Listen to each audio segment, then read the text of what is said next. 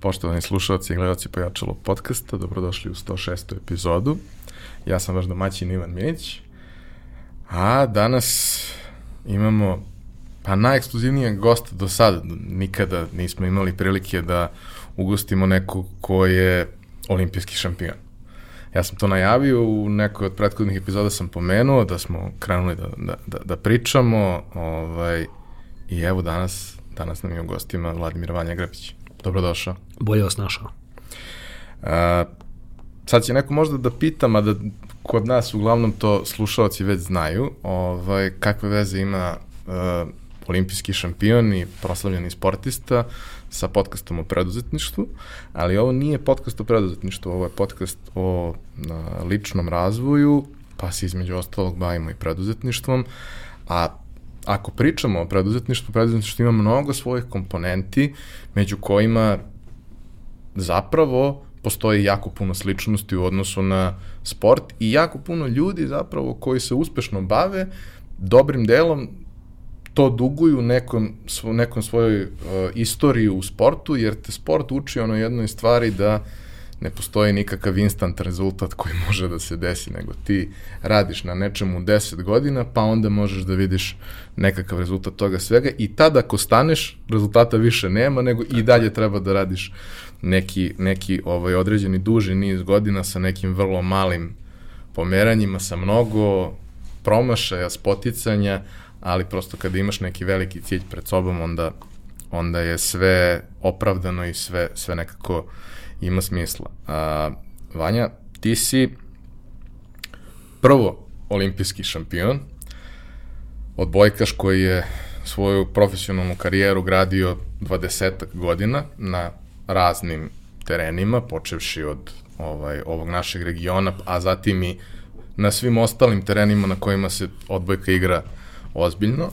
A, reprezentativac si bio 17-18 godina. 16 godina seniorski. 16 godina seniorski. A, I a, nakon završetka igračke karijere, što je bilo 2009. iako je bilo nekih priča i 2010. da, da, da ćeš se vratiti ovaj, zaigrati, a, tvoj život je, da kažemo, nastavio da se odvija po nekom prilično a, zauzetom rasporedu. Svašta ti nešto radiš. E, pa ako bi mogo da nam daš neki pregled šta je to zapravo, šta trenutno radiš i čime si se bavio od kako si prestao da aktivno igraš odbojku? Jedan prijatelj ovaj, mog pokojnjeg oca imao jednu jako lepu definiciju za njega. Rekao je, Miloše, ti me podsjećaš na veliki traktor u maloj bašti. Što znači, ukoliko ne nađeš adekvatnu njivu za potencijal koji ti imaš, može da se desi da ćeš vrlo često da se udaraš u ogradu, odnosno nećeš moći da taj potencijal koji imaš preneseš na adekvatan način, nećeš biti zadovoljan. Ja sam kroz igračku karijeru uh, u stvari spoznao sebe. Shvatio sam uh, koliko mogu, šta mogu, koliko mogu da utičem na druge, koja je moja uloga u, u u ekipi ili u, u timu u kom se nalazim i onaj deo prvi koji se rekao mene vrlo često i danas korporacije, kompanije, preduzetnici zovu da im drži motivacione govori koji su upravo produžetak onoga što je ovaj sportska karijera, odnosno neka pravila koja su iz sporta, a koja su vrlo, vrlo i jako prepoznatljiva u, u ovaj korporativnom delovanju. Um, i mogu ti reći da jako veliki broj njih uh, ima veoma pozitivan feedback zato što se ljudi vrlo lako prepoznaju, shvate kako i na koji način i možda neki odgovori koji su bili teški ili daleki su sada u stvari odjednom se otvorili kao veoma jasni. Bilo kojim poslom da se bavite, pravilo koje si rekao, je apsolutno isto da bi vi krenuli, potrebna je odluka. Je li tako? Ja sam vrlo često to i govorio o onoj liniji koja razdvaja dva sveta. Ima jedan jako lep uh, video koji je moj drugar Nemanja snimio i režirao.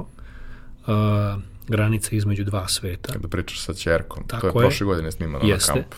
gde suštinski e, vi ste ti koji birate kom ćete svetu pripadati. Da li želite da sedite i da kažete, e, da sam mogao sam, ili želite da kažete, ok, želim da probam da se zaista znam da se otisne maksimalno koliko god mogu, da vidim ko sam, da vidim šta je moj potencijal, da spoznam neprijatnost, i pošto mi uvek montiramo u svojoj glavi da smo mnogo bolji nego što suštinski jesmo, da prihvatim ono što jesam i da krenim da radim na tome svakoga dana 100%.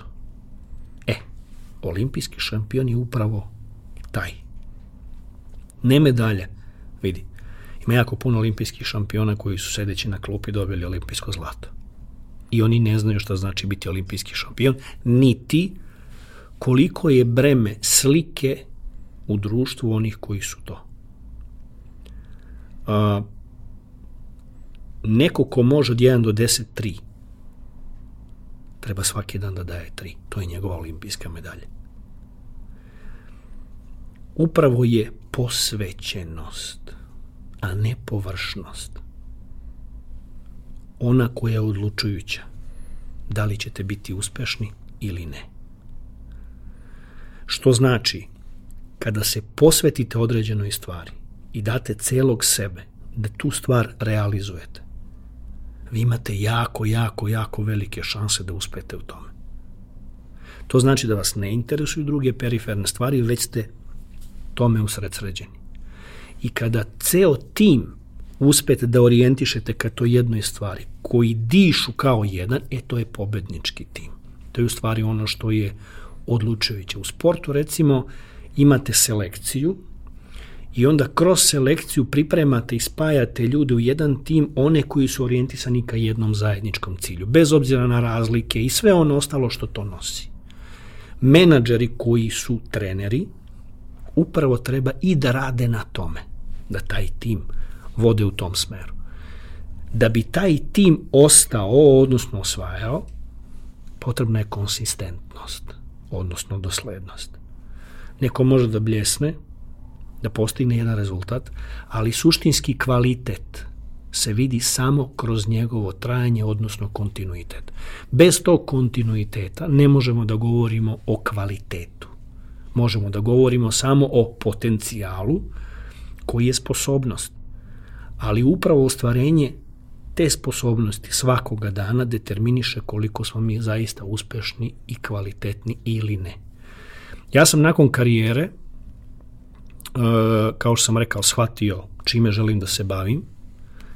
2011. godine ušao sam u kuću slavnih, bio prvi sa ovaj, ovih prostora i dok sam se peo na binu, ka Doug Billu koji je otac moderne odbojke, imao sam tu čast da me on uvede u, u kuću slavnih, shvatio sam da želim da radim sa decom. Odnosno da želim u ime onih koji su mi pomogli da dođem tu gde sam došao, da pomognem onima koji će posle nas nastaviti to što treba da bude i pasija, i posvećenost, i filozofija pristupa ne samo odbojici, već odrastanju kroz odbojku i da za tu misiju treba da se spremim. Što bi značilo treba da završim adekvatnu školu, koju sam već započeo dosta ranije. Završio sam fakultet sporta i fizičkog vaspitanja u Beogradu 2014. godine i iste godine upisao doktorske studije koje su na samom kraju. Ove godine bi trebao i da doktoriram. Ne interesuje me kupovina diploma. Ja uvek idem težim putem. Iako će naravno biti oni koji će da kažu da sam kupio diploma, opet to je, je njihov problem. Ovaj, I način na koji radim sa decom je u stvari ono što ja verujem da će njima pomoći ne da budu vrhunski odbojkaši, već da budu vrhunske ličnosti. Vi imate dve kategorije sportista. Jedno su veliki sportisti, odnosno vrhunski sportisti, a drugo su vrhunski šampioni ili šampioni. Vrhunski sportisti su vrhunski u sportu kojim se bave. A šampioni su oni koji su to i u privatnom životu. Koji su i veliki ljudi. Mene interesuju ovi drugi. Mnogo me manje interesuje samo dostignuće na terenu koje može uvek da se napravi bez ikakvih problema. Ja znam kako. Ali ono drugo kreće od baze, mnogo duže traje i to je ono što determiniše rad jednog trenera ili čoveka. Znači da vi okupite svo ono znanje koje imate, a ja sa sobom imam ozbiljan tim ljudi koji se bavi time, imamo 2300 podataka, odnosno 2300 testiranih klinaca, što dece iz masovne populacije, što dece specijalne olimpijade sa intelektualnom zaostatkom, odnosno nedostatkom, i na osnovu toga mogu da kvalifikujem svako dete, odnosno trend koji je aktuelan u sportu. U sportu se radi recimo zadnjih 50-60 godina jedan te isti princip. Ja sam video od tebe da ti piješ iz čaše, ja isto uzimam i radim istu stvar, bez obzira da li je u čaši viski, vino, voda ili sok. Svi se vezuju za vežbu. Niko se ne vezuje za cilj koji treba da se ostvari tom vežbom. I tako dalje, i tako dalje. I onda jedan kopira drugog, drugi kopira trećeg, kvalitet kao kvalitet nedostaje. U celoj toj priči ono što se meni lično ne sviđa jeste što jako veliki broj dece, obzirom da je sada sport postao ekonomija, ih plaća se članarina, jako veliki broj dece odustane sa negativnom konotacijom ka sportu i nikada se više sportom ne bavi. To je strašno. Zato što u sportu rade ljudi koji nemaju apsolutnu minimalnu pedagošku kulturu. Tačnije, cilj treba da bude deči osmeh, a ne postignuće. Ja slušam ovaj jednog čoveka koji je na odgovornoj poziciji kaže mi treba da organizujemo što više takmičenja, da deca dobiju što više medalja, tako će ostati što više u sportu. Kažem, ti si idiot. Tako deca prestaju da treniraju. Ti ih odvedi na kup babe i kup dede, oni će kažu, ja sam osvojio sam trebao da osvojim u životu i to je to, mene to više ne interesuje. Ili, zato što trener mora da opravda članarinu roditelja, da, zato što su uspešni i prvi su, ima dece koje nikada ne uđu. Recimo. I deca jednostavno se razočaraju ne žele više da igraju. Ili zbog procesa treninga deca se povrede. Či znači, imate dve vrste povreda. Jedne su mehaničke, telesne, koje su strašne i mogu decu da obogalje za ceo život. A one druge su još gore, one emotivne. Jer one mogu da traju ceo život. I onaj koji ne zna kako će sa detetom, koji je beli papir, može zaista da ga osakati ozbiljno kao ličnost. Sport treba da bude u funkciji razvoja dečije ličnosti. Da se kroz socijalizaciju, kroz sociološku maturaciju, odnosno sazrevanje, ljudi pripremaju za ono što će biti njihov daljnji život. Sport znači može da bude i treba da bude i jeste u rukama pravih oni koji razumeju, karika i oskočna daška za daljnji život. Zato ja i radim 360 stepeni dečijeg razvoja. To je moje opredeljenje, to je ono čime se bavim i u tom smeru idem. Malo sam bio opširan, nadam se da sam ne. dao onako malo konkretniji odgovor. A, kada pričamo o e, tvojim početcima, moramo da kažemo to, mislim, to ljudi koji, koji prate sport znaju, naročito oni koji, koji prate odbojku, ali generalno nisam siguran koliko je to poznato ljudima. Ti si uh, iz Kleka, jedno malo mesto u Vojvodini uh, blizu uh, Zrenjanina, koje je uh, mesto 2500 ljudi koji ima pet olimpijskih medalja. I, mislim, taj prosek je ovako dosta dobar. I ne postoji mesto na svetu koje ima takav prosek. Ok. Kažu, Ti... najveće šanse da postaneš nosilac olimpijske medalje ako se rodiš u klepu.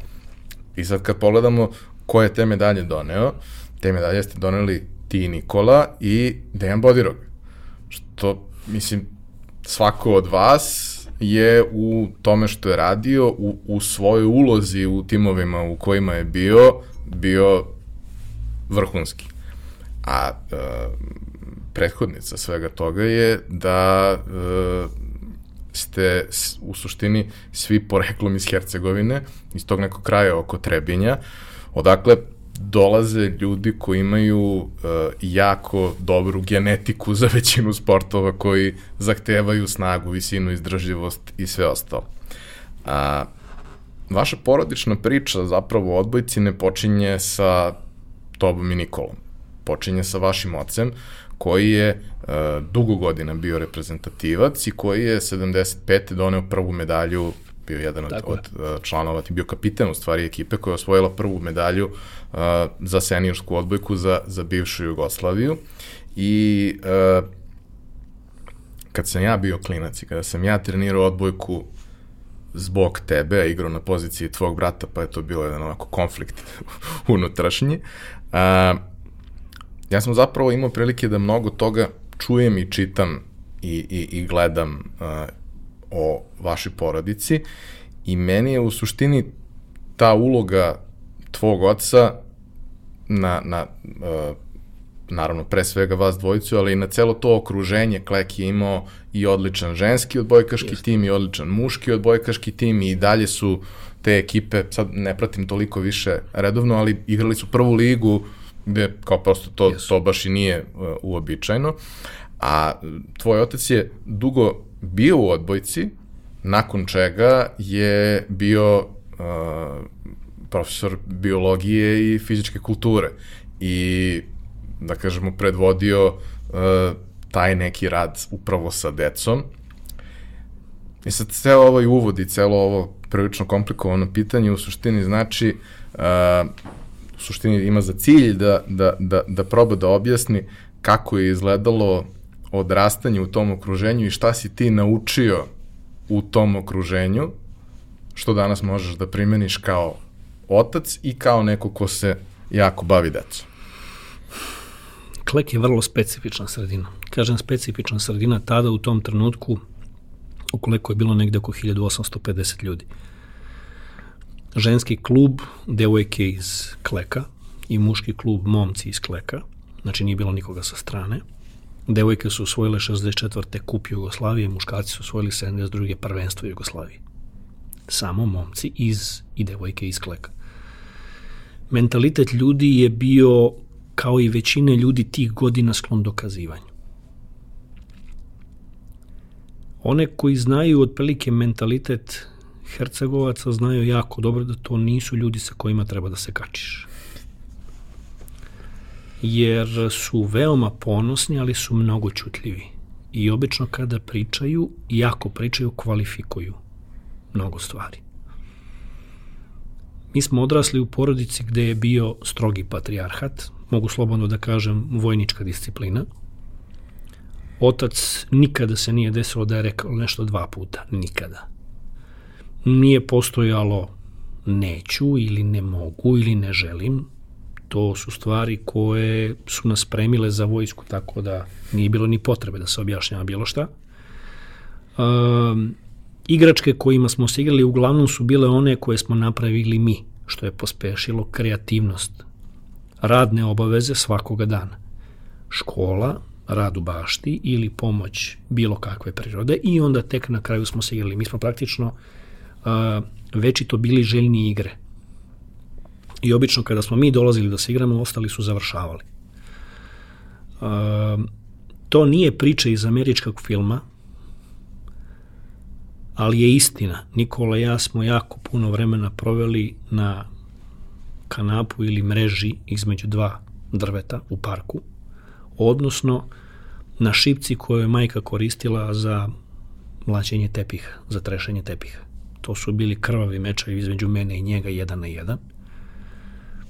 I to je bilo nešto što je jednostavno živjelo u nama. Mi smo živeli za to da se dokažemo svojim roditeljima. Imali smo s jedne strane oca koji je bio figura nedvojbena i nikada dovođenja u pitanje, jer je majka napravila od njega takvu figuru i ona je bila ta koja je morala da cinculira oko svega, da nam objasni zašto, kako, da ga čuva, da ga štiti, da nemojte, znaš, vodi računa i tako dalje i tako dalje. I kada imate takvu vrstu i takvu podelu, da kažemo, autoriteta, onda imate i reper, jer ukoliko je samo jedna stvar nije dobro. E, vrlo često i Nikola i ja smo pominjali otac, otac, otac, otac. To, mislim, imate idole i kao igrača, i kao trenera, i kao oca, i kao muškarca, ali e, odgovorno tvrdim da majka nije bila takva kakva je bila. Apsolutno ne bi bilo ništa od toga. Harmonija u razvoju je veoma bitno da postoji sa obe strane. Ukoliko ne postoji, to nije to. A mogu slobodno da kažem da otac kao čovek nije bilo ni malo lak. I trebalo je zaista znati i umeti kako i na koji način da se postaviš i da to sve ishendluješ onako kako je trebalo. E, mi smo počeli na polju. Platnene rumunske patike, startasov šorc, majica na bretele, bela. Gumena lopta, tigar pirot. Šuplja mreža. Tako sam ja počeo. I ja do, neki, do nekog sedmog razreda nisam nešto ozbiljno trenirao. Počeo sam sa devet godina, ali to je bilo, ajde, eto, nešto malo preko leta dok ne počne škola, pošto nismo imali salu, nismo imali ništa. Išao sam sa čaletom na trening i gledao sam, malo pikao sa strane, ali ništa ozbiljno. Međutim, ono što sam dobio što ja mislim da je najvažnije jeste Čale vodio fizičko vaspitanje i mi smo se razvijali u potpunosti. To je ono što danas, recimo, fizičko vaspitanje je katastrofa. Jer vi, ukoliko odradite po pitanju motorike, to što treba ako ispoštite periode razvoja i senzitivne periode za razvoj motoričkih sposobnosti, ako razvijete agilnost, odnosno koordinaciju, koja je veoma važna, jer od 6. do 12. godine sa 6 imate 60% maturacije mozga, sa 12 90. Ukoliko preskočite taj deo, posle toga džaba ste krečili. Znači, suština jeste u tome da poznajete suštinu i mi smo to radili zaista fenomenalno. Uh, ubačen sam ja bio i Nikola naravno za mnom u prvu ekipu koja je igrala tadašnju Vojvođansku ligu. Uh, počeli smo na klupi, prve tri utakmice i onda, nas, onda me je otac ubacio da igram meni ostale moje saigrače koji su mlađi. Ovaj, gurnuti smo u vatru i to nam je dalo, znači pričam sa 16 godina, i to nam je dalo ozbiljan vetar u leđa. Sledeće godine ulazimo u juniorsku reprezentaciju, igramo ovaj prvenstvo standardno i prvi put odlazim odnosno porodica se odlučuje, obzirom da sam prevazišao sredinu, da nastava karijere i četvrti razred srednje škole završim u Novom Sadu, u Vojvodini koja je tada bila šampion. To je jedna od najtežih odluka za roditelje, a verovatno jedna od mojih najtežih godina. Ne jedna od, nego najteža godina u mojoj karijeri. Gde sam praktično proveo celu godinu trenirajući, odigravajući možda jedan i po set za celu godinu. Um,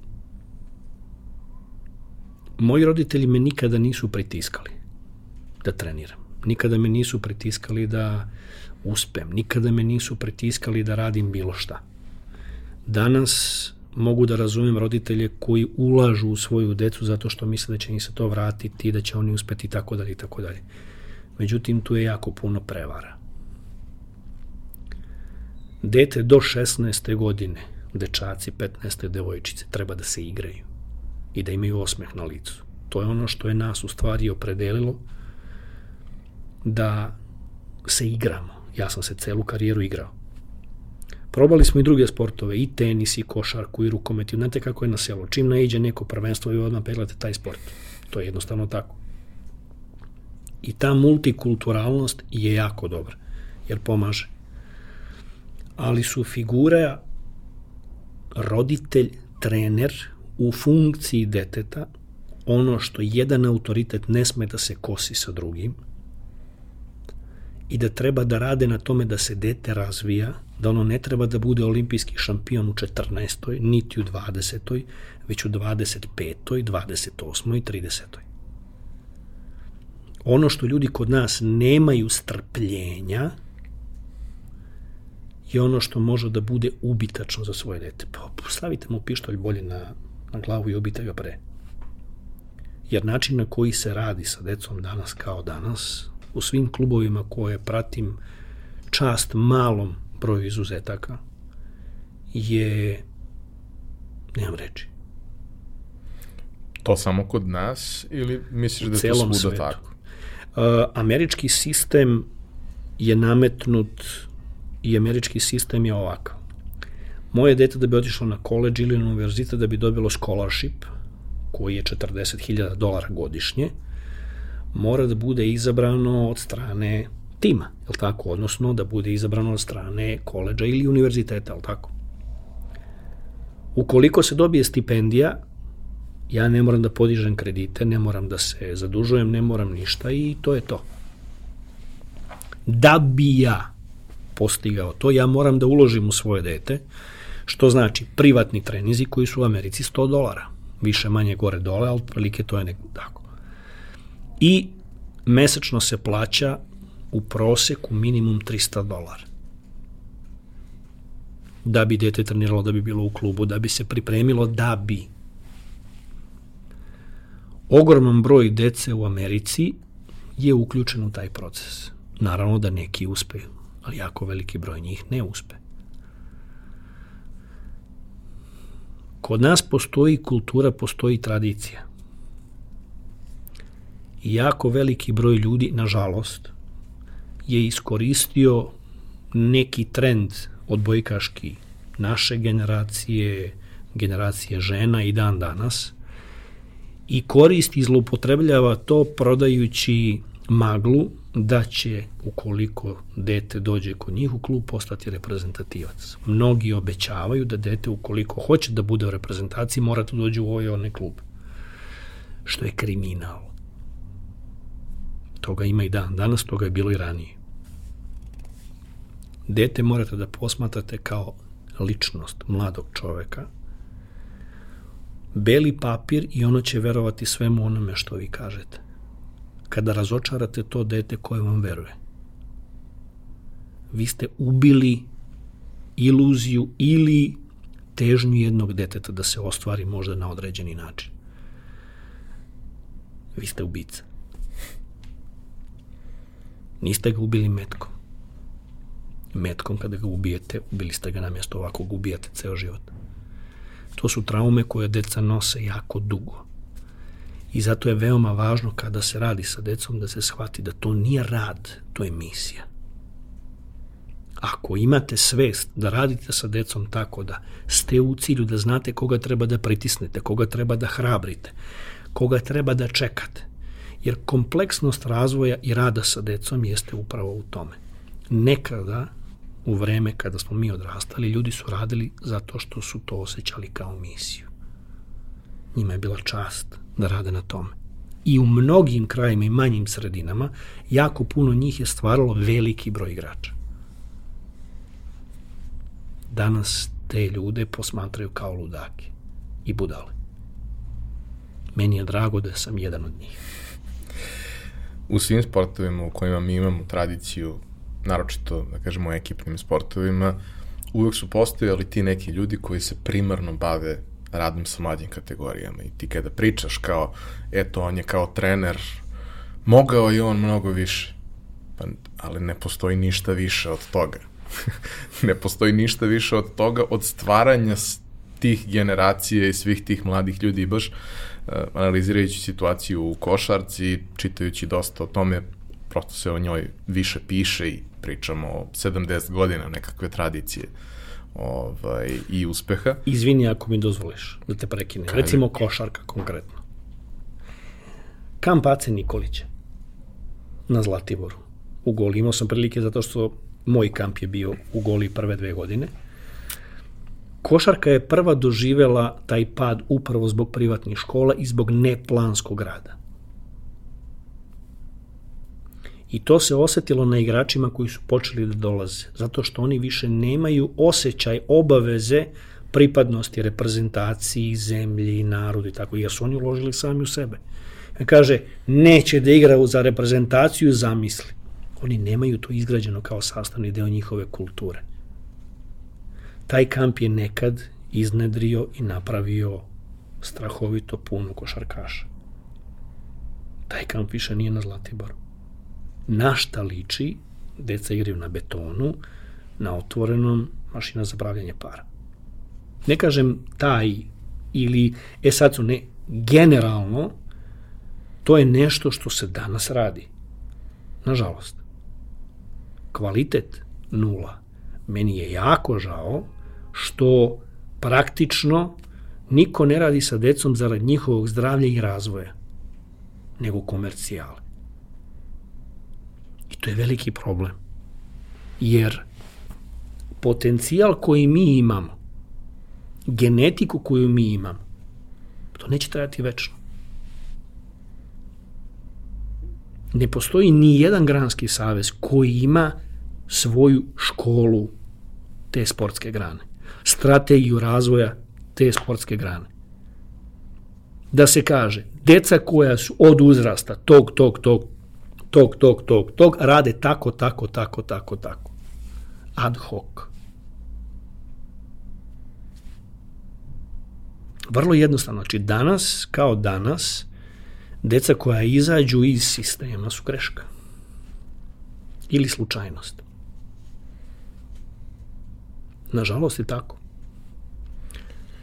Rezultati i dalje postoje, ali je jasno da ih neće baš biti večno, posebno što kad negde to analiziraš pre 20 godina, ti si imao uspehe seniorske reprezentacije, što jeste najvažnije za generalnu populaciju i popularizaciju i sve ostalo, sve to stoji, ali onda uzmeš i pogledaš šta su radile mlade kategorije i shvatiš da su i mlađe kategorije osvojile sve što treba da se osvoji u prethodnih nekoliko godina.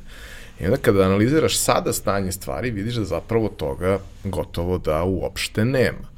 Čak ni u sportovima u kojima je to bilo nezamislivo, kao što je košarka, takvi rezultati izostaju, izostaje da kažemo, planski rad na svemu tome sa, sa, sa uh, decom, kao što si rekao.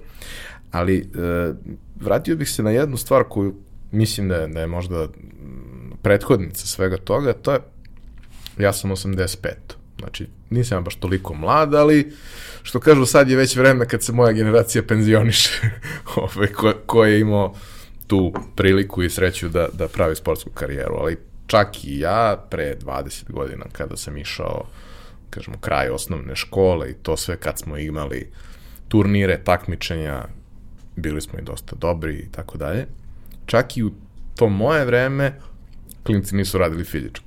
Odnosno, bilo je od nas 30, bilo je 15 ludaka koji su radili fizičko i koji su tražili svaki slobodan termin ovaj, koji mogu da dobiju u sali. Mi smo još imali tu sreću da nam je razredni bio ovaj, nastavnik fizičkog, pa je to značilo da bukvalno svaki slobodan termin mi dobijemo ključeve i to je, to je bilo jedino važno, a kad nije bilo imali smo dvorište.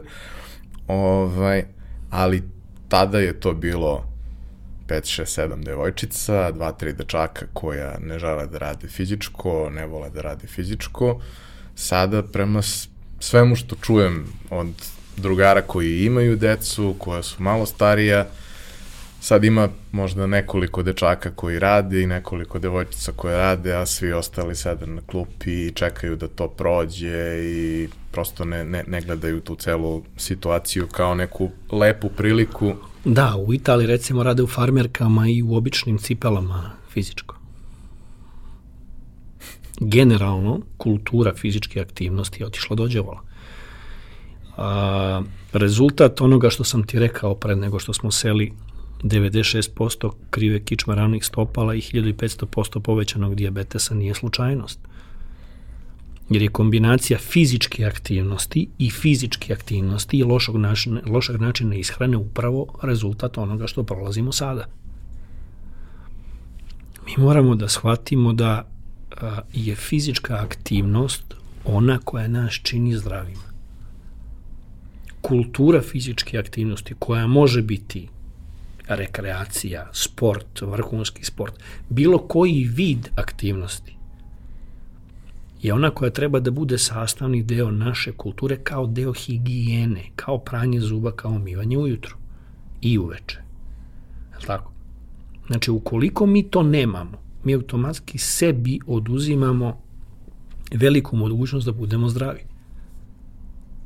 Ti podaci koje pratim, koje gledam, obzirom da imam ekipu ljudi sa, sa kojima sarađujem, znači daću vam recimo jedan podatak, Amerikanci su radili istraživanje, 55 naučnih radova se bavilo konkretno time, endokrinolozi će ovaj, ukoliko im bude interesantno moći da se pozabave konkretnije time.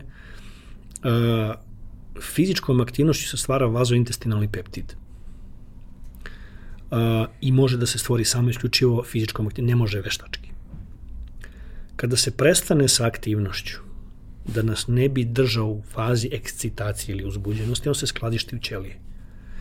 Ćelije u kojima se nalazi vazointestinalni peptid ne dozvoljavaju širenje ćelija tumora, kancera, odnosno side. Šta to znači? Da li to znači da je to lek ili to znači da je to možda sredstvo koji možete da date ono što bolesnici oboleli od tih bolesti nemaju vreme. Znate, tradicionalnoj medicini više vremena da može se pozabavi onim čime treba da se pozabavi. Znači, jako malo se zna. Uh, a suštinski ono što zaista može fizička aktivnost ili ono što treba da bude sastavni deo naše kulture je nešto što treba da bude deo nas. Evo da krenemo od, od glupovog fizičkog, koje već učiteljice počinju da menjaju sa srpskim matematikom svetom oko nas, onim što im treba da, da se odradi, ali tako? Može dete koje boli kičma da radi matematiku ili da svira klavir? Pa ne može. Tako. Kako organizovan sport u školi? Ne zna se čije ministarstvo je resor. Da li je to pod uh, prosvetom ili je to pod sportom. Tako. I tu ima večito. Danas se školskim sportom bave deca koja već treniraju, Znači, izmenadžeri su se ekipe koja će da ide ovamo, namo i tako da i tako da Ostala deca nema apsolutno nikakve šanse da participiraju zato što ne postoje ni školsko-sportske sekcije. A to ide fizičko vaspitanje, pa školsko-sportske sekcije, školski timovi i takmičenje. To je razrušeno, skroz. To je sistem koji ranije postojao kao što je ranije postojao sistem Sofke gde deca nisu plaćala, a bili su prepoznati treneri. To je recimo sistem koji bi morao da se vrati. Apsolutno. Zašto? Zato što to nije pitanje vrhunskog sporta, to je pitanje zdravlja nacije. Da li znaš koliko bi muškaraca danas bilo sposobno za vojni rok? Ne znam, 40%. Znači, radno sposobnih 40%. Katastrofa. I može ići samo gore. Posmatrate svoje telo kao Ferrari. Svi mi smatramo da je naše telo Ferrari, tako? Mi smo Ferrari. Dođe da te provozamo u Ferrari, tako? Međutim, vi u taj Ferrari sipate rumunski benzin 90-ih. I sipate ložulje. I ne održavate. Znaš, šta će se desiti za pet meseci? Pa Ferrari mora na kompletnu generalku. Mi nismo Ferrari. Mi ne možemo na remont. Mi imamo telo koje imamo. Mi nemamo kulturu ishrane, nemamo kulturu fizičke aktivnosti, nemamo kulturu emocionalne zrelosti, niti bilo čega drugoga što bi nas kao nas činilo ozbiljnim, zdravim i normalnim ličnostima. Mi ne poznajemo sebe. I to je ono što je početak svih nevolja. Da bi ja bio uspešan, ja prvo moram da shvatim ko sam ja. Da budem iskren prema svebi i da vidim gde sam ja od 1 do 10. Ako sam ja 3, da to prihvatim i da dajem svakoga dana 3,001. I da to bude sastavni deo mog mentaliteta. Tako se definiše da li je neko uspešan ili ne. Zašto? Zato što tvoj tim od tebe očekuje tih tri. I ti mu ga uvek daš. Ja, uvek kada pričamo ono, pošto smo još uvek u godinama moja generacija koja se seća toga kako kad smo bili klinci, pa smo igrali, pa sve to, uvek kada analiziraš ko su bili ljudi koje smo tada pratili, za koje smo navijali i tako dalje, uvek podvučeš tu crtu, e, ali on je mogao da uradi sve to, a nije. Pa kao, znaš, on je igrao, ne znam, da li igrao NBA ili igrao nešto, ok, ali on je mogao da bude jedan da. od najvećih svih vremena, Jel malo to što igra NBA? Pa nije, ali mogao je više. A zašto nije to uradio? Sad naravno tu postoji hiljadu faktora i, i, i svega toga. Ali hoću da, da, da se dotaknem jedne stvari. Sad si pričao o nekim vrednostima i nekim razvojnim stvarima na kojima treba da se radi. Mi smo često kroz, kroz podcast uh, sa, sa različitim ljudima uh, pričali o tome koliko zapravo uh, mi ovde na lokalu uh, imamo problema sa gomilom stvari koje se na kraju reflektuju u to da imamo problem u komunikaciji. A to je takođe jedna od stvari koju kad se opredeliš za kolektivni sport, ekipni sport, uh, ti si pomenuo na, na samom početku da reprezentacija ili tim se pravi od 12 ljudi koji na najbolji način mogu zajedno da ostvare rezultat kojim se teži, da li će se to i desiti, sad to su neki drugi faktori, ali da se ne selektira 12 pojedinačno najboljih, individualno najboljih, jer to u suštini ne znači ništa ako oni ne mogu da komuniciraju, da sarađuju.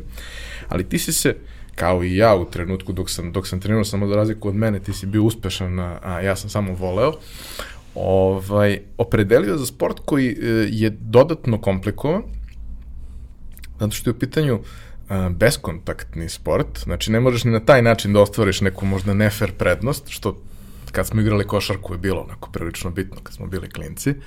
Ovaj, nema toga, imaš tri dodira loptom i vas šest, treba da nadmudrite drugih šest, od kojih u suštini jedna osoba upravlja svim što će da se desi na, na terenu. Tvoj cilj je da u prvom kontaktu daš loptu tehničaru i šta on uradi, to je to. Znači, moraš da, da imaš maksimalno poverenje, a onda i da realizuješ i rezultat se postiže tako što više puta ti nadmudriš onu drugu stranu nego što ona nadmudri tebe. Sad, ti si bio uh, primač servisa, što je u principu zahtevna, ali i veoma atraktivna pozicija, zbog svega onoga što se dešava u igri nakon što se primi servis. A, tvoj burazer je bio tehničar i po mom skromnom mišljenju, gledajući 30 godina odbojku, najbolji tehničar svih vremena. A, I to je onako prilično a, e, lepa osovina za, za tim, pošto po prirodi stvari čak i kada se posvađate oko nečega, vi se razumete jer ste odrasli zajedno. Možete nervirate jedan drugog, to je to isto normalno u porodici. Ali vi se razumete. Ali sve ono ostalo što se dešava je neophodno da bi se ostvario rezultat Tako je. kome želimo da, da težimo. Kako je to prosto izgledalo? Jer uh, ono što se desilo, znaš, 95. je osvoljena prva medalja nakon 75 ta medalja 95. je došla nakon sankcije i svega uh, i odbojka i košarka su tad negde vratili ljudima veru u sve što se dešava. Međutim, uh, odbojku tada je vrlo malo ljudi pratilo. Ona je imala svoje Tako. uporište u Novom Sadu. Vojvodina je već imala neke rezultate, to je bilo zanimljivo. Vojvodina je tokom 90-ih imala vanredno dobre rezultate i na evropskom nivou. Jeste ja sam obožavao da gledam te prenose ovaj, uh, kupa šampiona koje, koje je Vojvodina tad igrala i to je stvarno bilo fantastično i Sisli, Alpitur i sve ostalo što se tu dešavalo. Ovaj, ali reprezentacija je uh, formirana da kažemo bez nekog bez svesti generalne populacije da uopšte postoji jedna generacija, odnosno nije to baš jedna generacija, to je nekoliko generacija, ali tu postoje neki, neki sjajni ljudi. To je onda krenulo da se, da se dešava i narednih 25 godina mi gledamo efekte toga, što dok ste vi igrali narednih 10-15, pa onda i kroz generaciju koja je došla iza vas. Ali kako je to, kako je to tebi izgledalo? Posljednja stvar koju si rekao je da si sa porodicom prešao u Novi Sad zbog prosto toga što je došao trenutak u razvoju da se napravi naredni korak, ta sredina je mogla da te nauči mnogo, sankcije, uh, ti si igrao u Italiji tokom sankcija, a Italija je tada bila, a mislim da je i danas uh, Jeste. apsolutno najkvalitetnija liga, ne samo pojedinačno kluba, bilo je pojedinačnih klubova koji su bili bolji kroz Da. ono investicije Da. i sve ostalo, ali liga kao liga, organizacija i njihova reprezentacija u ono vreme, imao sam tu sreću da posle nekog od mečeva ovaj, skupim autograme većine igrača, pa mi je to bilo onako baš, baš ovaj, drago. Ali nekako u, u, u, i prošli put kada smo pričali u onom intervju, volao sam da se dotaknem toga, e, to će zvučati sad preterano, ali mi je najlakše da tako objasnim. Meni se čini da je Italija odškolovala našu odbojku. Dobro ti se čini. A šta je to što je Italija dala? Šta je to prvo što je bilo Pazi u Vojvodini, ovako. a šta se onda dešavalo? sad? uh, moj drugi povratak, odnosno moj, drugo, moj drugi boravak u, u, u, Novom Sadu bio je nakon dve godine Zagreba. Uh, vratio sam se, počeo rat u Hrvatskoj, nisam mogao više da odem tamo, iako je recimo već dogovoren bio prelazak i Nikole u Zagreb. Ovaj, ja pretpostavljam da je i on došao da bi ta generacija onda posle osvojila i, i kup šampiona. Jer su oni radili tako. Sistemski okupljali, da, da, okupljali iz cele bivše juge, mladi tim i jako se lepo radili, imali su svoju salu, svoje smeštaje, sve svoje.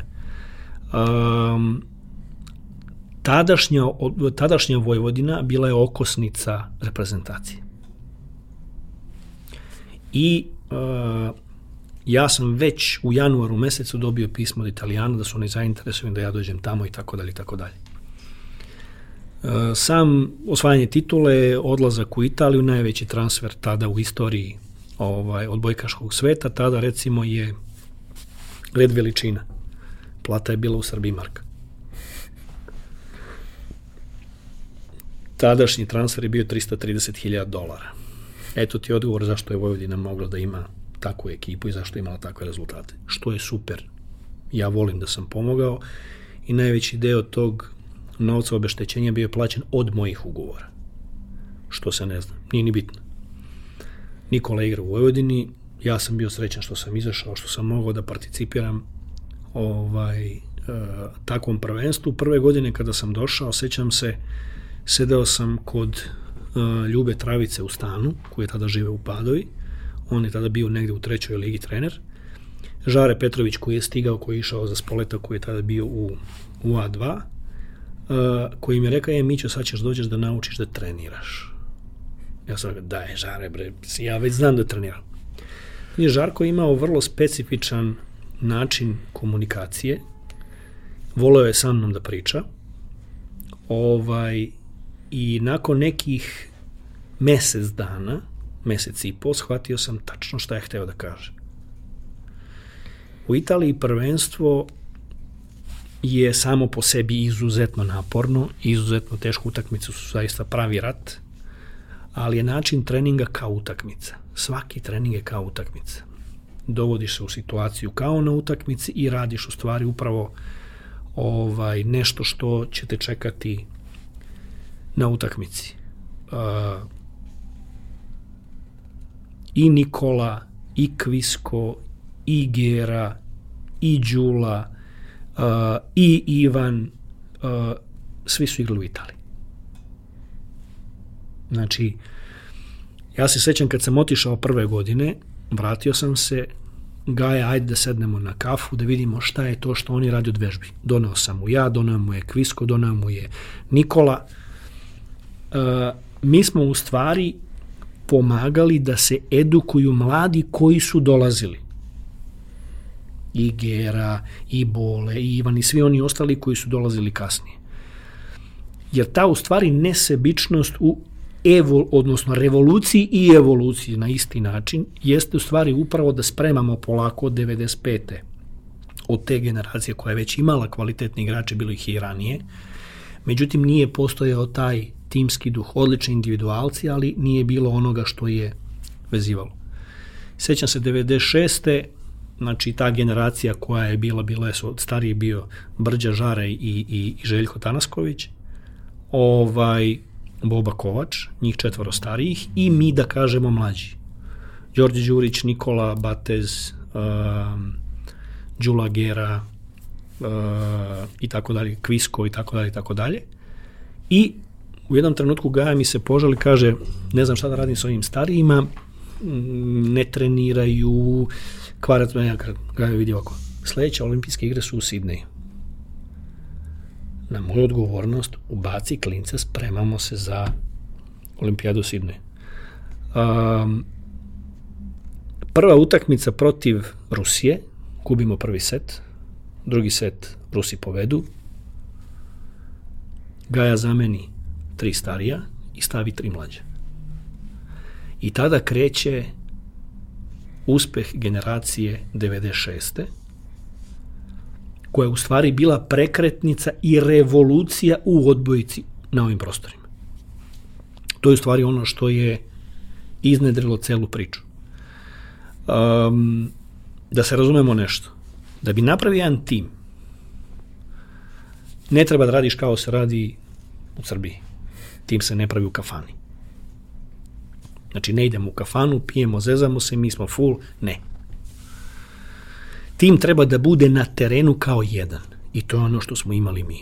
On ima svoje jasne i precizne karakteristike, ko šta radi, ko je lider, kako, na koji način i kako to funkcioniše. Kao na nivou firme kad kažeš tačno se zna šta je čiji posao. Apsolutno. Znači, jedan dan ti nećeš biti na 100%, ali će sledeći dan biti na 120%.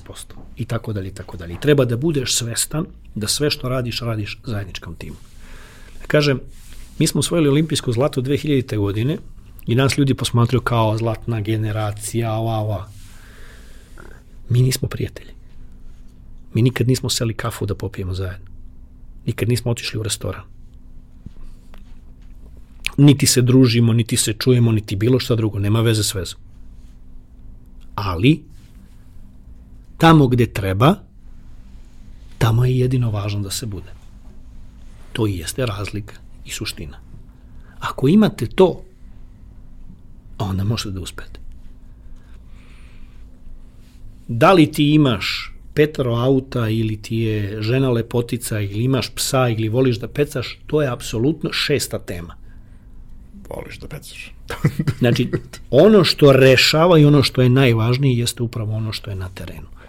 I to je suština cele priče. Tako se gradi uspešan tim. Italija je, ja sam to rekao kada smo osvojili italijanski novinari su došli, ja sam rekao, hteo bi da se zahvalim Italiji zato što je ova medalja, bez obzira što Italija nije osvojila zlato, ova medalja je dobrim delom italijanska. Jer u tom trenutku najveći broj naših igrača igra u Italiji. Nas je Italija odškolovala što se tiče kvaliteta i takmičarskog dela u potpunosti. Mi smo tamo uspeli da se nadogradimo, da postanemo takvi kao igrači i kao ličnosti i zahvaljujući tome upravo ono što si rekao i jesmo osvojili olimpijske igre. Taj period neposredno pre, odnosno između dve olimpijske medalje, neposredno pre zlata, je period u kome uh, još uvek se igra na promene, što sam ja lično mnogo više voleo od ovoga danas, ali razumem zašto je ovo napravljeno. Ovaj, još uvek se igra na promene, igraju se mečevi redovno svetske lige i, i raznih drugih takmičenja u Novom Sadu, gde je uvek puno sve i pune tribine i sve ostalo i u pioniru u kome u startu nije to baš bilo tako puno, ali vrlo brzo je postalo puno. I vrlo brzo su to bili ti neki mečevi gde se pobeđuje, ne znam, Bugarska 3-1, pa se pobeđuje Rusija nešto 3-2, 3-1, ali se u principu gubi od Italije. Gubi se od Italije Do 97. 3-0, pa 3-1, pa 3-2, pa 2-3, odnosno pobedi se prvi put i Jest. tad kad se to desilo, mislim da je ono svima nama, ja sam tad i trenirao i, i, i gledao, da je kao preskočio si tu psihičku barijeru da su oni nepobedivi. Jer kad ih vidiš, oni su nepobedivi. znači, kad da, vidiš 90, ono... 97. svetska liga u Beogradu, ja sam bio povređen, ovaj, uh, podbio sam ovaj taban i ovaj prvu utakmicu prvu utakmicu nisam igrao, uh, izgubili smo 3-2. Drugu utakmicu sam igrao prva tri seta dok nisam izvrnuo i nogu. Ovaj, uh, pobedili smo 15-13 u taj breku uz takvu euforiju da je to neverovatno, kao da smo osvojili olimpijske igre. Koliko to znači, reći će samo činjenica smo mi na evropskom prvenstvu te iste godine, te iste italijane pobedili 3-0. I sledeće godine, kroz svetsku ligu, odnosno kroz ovaj svetsko prvenstvo, pobedili ih u grupi i finale je samo priča za sebe. Doping, nepokretanje i tako dalje i tako dalje. Um, u sportu recimo Holandjani su sa njima isto tako bili mašina koja gazi sve redom i onda kada igraju sa njima jednostavno oni su bez obzira na to što su možda imali neke tehničke limite imali godine uh, imali jednu stvar koja je u sportu odlučujuća kada je pitanje pobede.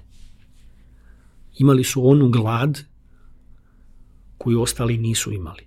Oni su to trenirali. Oni su natrenirani, odnosno utrenirani kako da pobede. Jer recimo kad radite bez svesti, možete da trčite 20 km dnevno, da dižete 32 tone koliko smo Kvisko ja dizali pred Sidney za svaku teretanu, to nije ono što pobeđuje. I pobeđujete glavom. A glava se zna tačno kako se trenira. Dovedete se u situaciju vrlo sličnu kao što je na utakmici i tada igrate ono što je odlučujuće kao kad ti ja razgovaramo i pijemo kafu. Jer oni su recimo na visokom rezultatu, recimo 23-23, igrali najnormalnije kao da je 0-0, gde su ostali se svi stiskali i gledali šta i kako. To u stvari jeste osnovna razlika zašto su oni pobeđivali sve ostalo. To je negde i ono što kad, kad analiziraš i Novaka i gomilu drugih i individualnih sportova, ali i ekipa, što kažu, on to iznese na teren sa sobom. Vidi, uh, fenomen Novaka Đokovića je uh, nešto što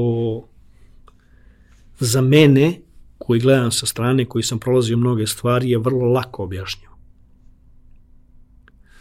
Federer ima savršenu tehniku. Nadal je fizički fenomen. Da je njima dvojici Noletova glava, oni bi vladali 50 godina. Glava i srce. Da se ne spuštam niže, mislim da nije primjereno, ali tako? Ali generalno, uh, Novak je toliko jak u glavi da on koristi reket i svoje tenisko znanje da se nadigrava sa drugima. I to radi vrhunski. Znači onda kada imate recimo protivnik servira, ima dve lopte za meč i on najnormalnije mirno odira, odbrani, preuzme i pobedi. I nema, slomi. nema panike. On je apsolutno svestan svog potencijala. I jako dobro zna sve što radi, on je ludački posvećen. Vrlo jednostavno. Dok smo igrali, odnosno dok ste igrali, a mi gledali i navijali. Pošto nekako uvek uh, kad pratiš, voliš i, i, i navijaš za nekog, to doživljaš kao delom i, i svoju stvar. Ove, ovaj, ali dok ste, dok ste igrali, I mi smo tako gledali u vas, a ponajviše u tebe. Zašto u tebe? Zato što kad ništa drugo ne može da se desi, ovaj će ludak da smisli nešto. I obično bi ludak smislio nešto.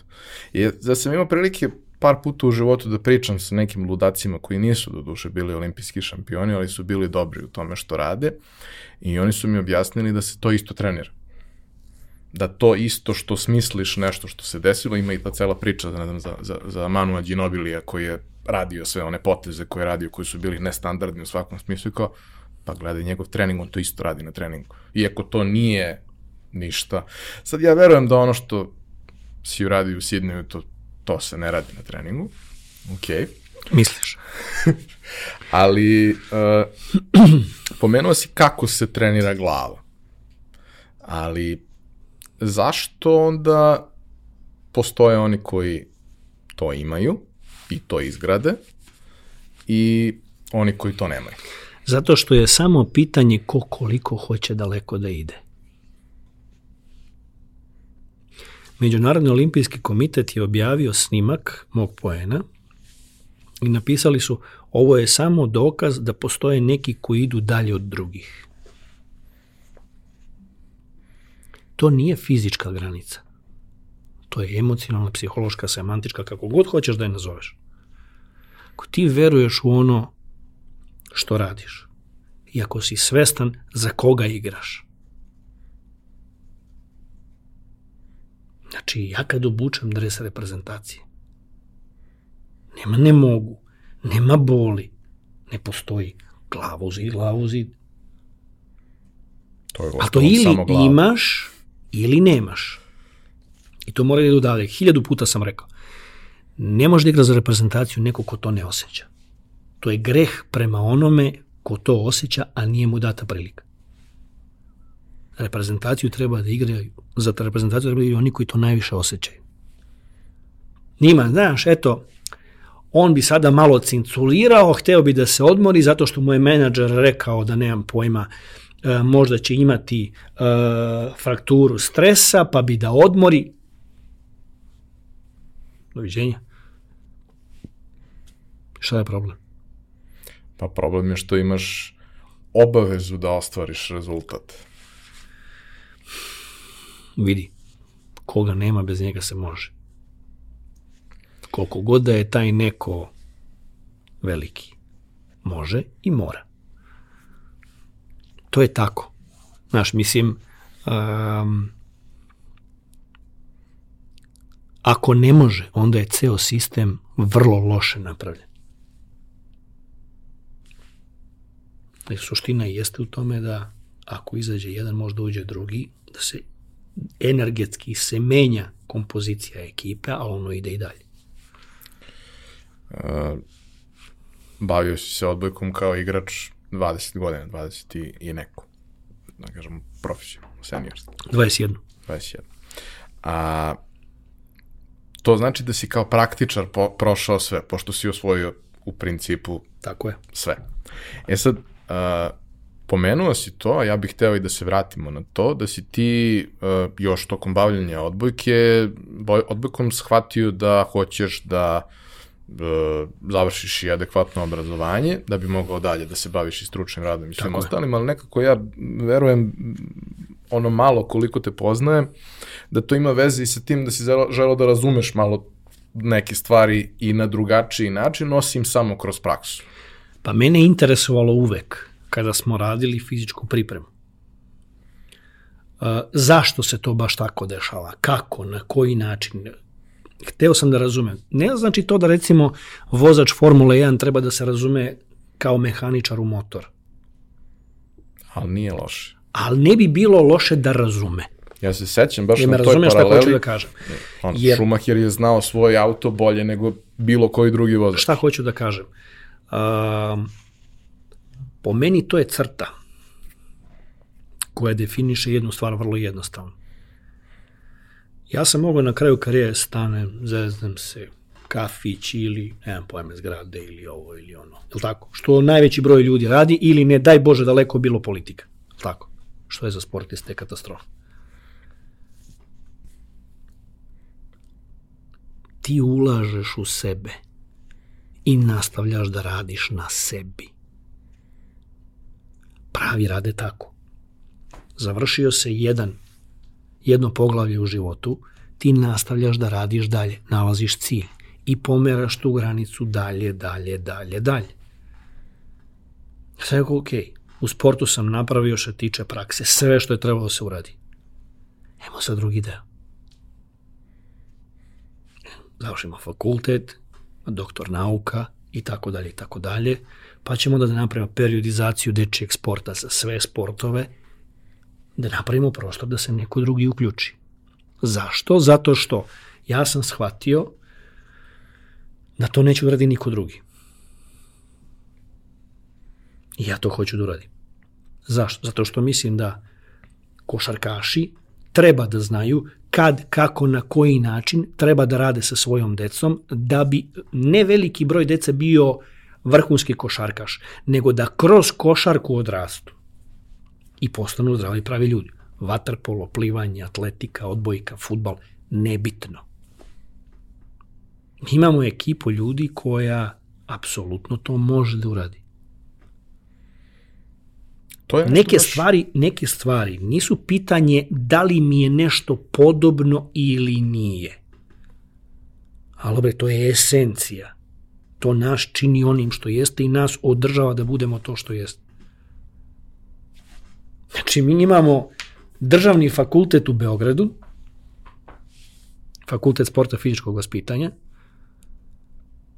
Ministarstvo sporta, Republički zavod za sport, savezi potpišu sporazum sa privatnim difom, a ne sa državnim. Piše se strategija, niko ne kontaktuje državni dif. Kažem, absurdi. Hajde kako funkcioniše u Hrvatskoj ili u Sloveniji. Recimo, u Sloveniji, na primjer, imate 100 najbržih slovenaca po generaciji, ili najjačih ili najizdržljivih. Njihov fakultet radi testiranja dece. U Hrvatskoj ne može jedna reprezentacija da ode na bilo koje veliko takmičenje ukoliko nije dobila potvrdu od strane kineziološkog sveučilišta u Zagrebu. Teorija i praksa, a ja sam nažalost jedan od malobrojnih onih koji mogu da pričaju o tome zato što imaju jedno i drugo, su i dalje toliko daleki da je to strašno. A kome to interesuje? Najgori treneri su oni koji misle da znaju sve ili mene to što znam čini sigurnim, neću da saznam koliko ne znam. Pa ne radi se o tebi, majstore. Ti si servis.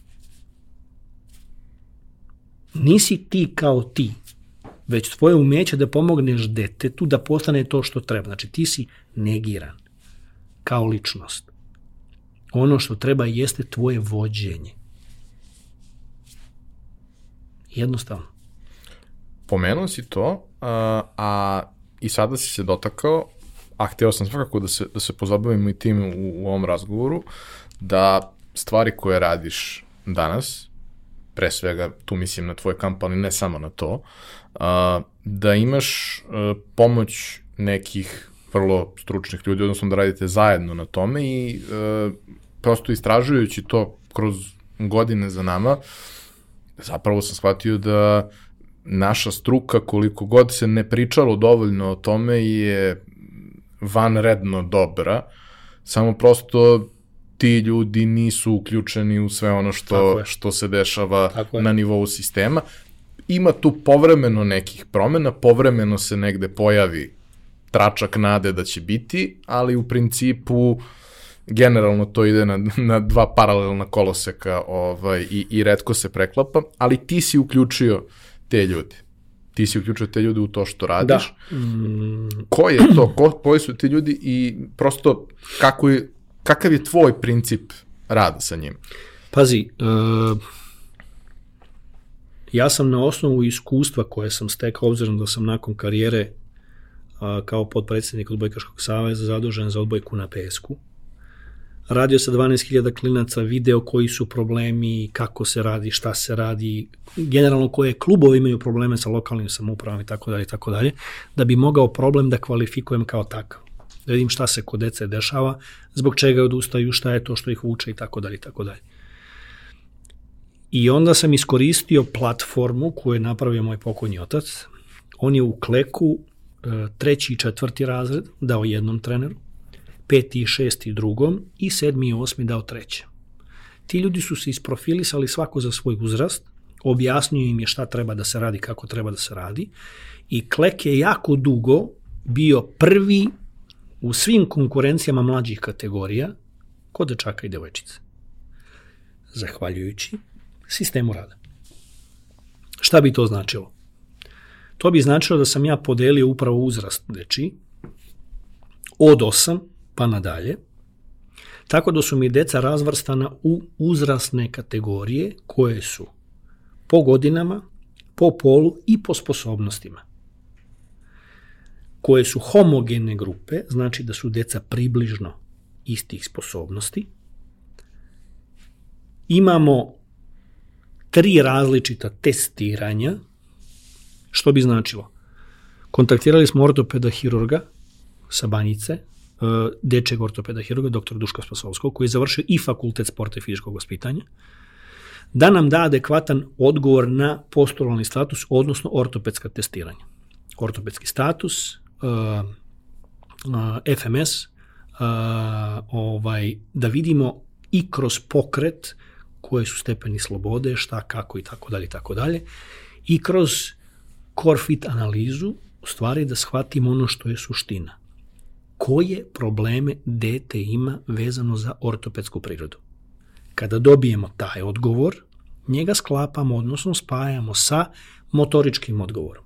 Moje kolege, Nikola Majstorović, Milana Živković, Sale Đurić, uh, sad ću da se zezam namjerno da kažem Dragulju Toskić, iako je Lazar Toskić, da se ga zezamo non stop, Miloš Dakić i ja, a, koji su uglavnom doktori nauka ili doktoranti, nas dvojica Dakić i ja smo još doktoranti, ovaj, pod nadzorom uh, Milivoja Dopsaja, nemoj da se smeješ, zato što ti kod njegove dunje plivaš, ovaj, koji je šef katedre analitike i diagnostike na Fakulteta sporta i fizičkog vaspitanja, jedan od najboljih uh, u tom domenu što tiče sportske nauke u regionu. Radimo kompletnu analizu motoričku koja je sa osvrtom na odbojku. Zašto? Zato što su to testovi koji su standardizovani za odbojkaški sport. Što znači da kada bi htjeli da radimo futbal, mogli bi samo da uzmemo one koji su standardizovani u futbalu ili u košarci, ili u, znači nebitno. Šta to znači? Radimo telesne dimenzije, visina, težina, raspon ruku i tako dalje i tako dalje, koje vrlo često neki ljudi uzimaju kao da su primarne, nema veze s vezom. Radimo testove koji su X test, trčanje da vidimo sposobnosti dece promene pravca, agilnost, bacanje medicinke, skok u dalj, uh, rastegljivost ramenog pojasa sa, sa uh, štanglom i radimo, di, o, radimo uh, dinamiku, odnosno radimo stisak šake i sve ono ostalo što nam govori. Brzinu, silu, izdržljivost, koordinaciju i agilnost. Na osnovu tog odgovora mi svakom detetu napravimo individualni program i smestimo ga u sistemu tačno tamo gde u odnosu na svoju grupu, odnosno na generaciju. Ok, šta bi to značilo? Dobili smo hardware i na čemu treba da se radi kod hardvera. Da li je to poligon koji je prvih pola sata uvodni deo treninga, radit će više ovoga, radit će više ovoga, radit će više onoga i oni su takođe prilagođeni uzrastu. Znači, da li će deca raditi konkretno sa malim medicinkama bacanje, zato što je to dobro za rame, da li će raditi gume, zato što je to za rame, da li će raditi izdržaje u polu čučnju sa svojim kolegama zato što je to dobro za koleno i tako dalje i tako dalje. Deca koja rastu i razvijaju se. Vrlo često njihovi mišići ne mogu da zaštite artikulacije i zbog toga se dešavaju povredi ligamenata, e, distorzije kolena, skočnost globa, ramena, leđa i tako dalje i tako dalje. Prevencijom se apsolutno deca štite od mogućih povreda, tako da taj prostor oko njih bude bezbedan. Da bi deca mogla da odgovore, zašto ovo govorim? Mi učimo dete da igra prstima, dete ima problem u kočinosti i ne može. Kaže, daj bre, odigraj šta ti ispruži tu ruku. Dete ne može. Igra u grču. Prvo moramo da ih dovedemo u aset, odnosno u situaciju, da oni mogu da urade apsolutno sve ono što mi od njih očekujemo. Treće testiranje radimo sa, e, po preporuci dr. Ane Pešikan sa Filozofskog fakulteta, koja je po meni jedna izuzetna osoba, gde sagledamo apsolutno aspekt i pedagoške i razvojne psihologije, da bi mogli da kvalifikujemo aktivnost, pre svega kada su u pitanju treneri. Jer mi smo recimo dobili, na primjer, 90% deca dolazi kod mene na kam zato što želi da se druži, da im bude lepo i tako dalje i tako dalje. To su deca. Deca koja su do 15. godine kod, devojčica imaju program gde tražimo samo i apsolutno deči osmeh kod dečaka do 16. godine.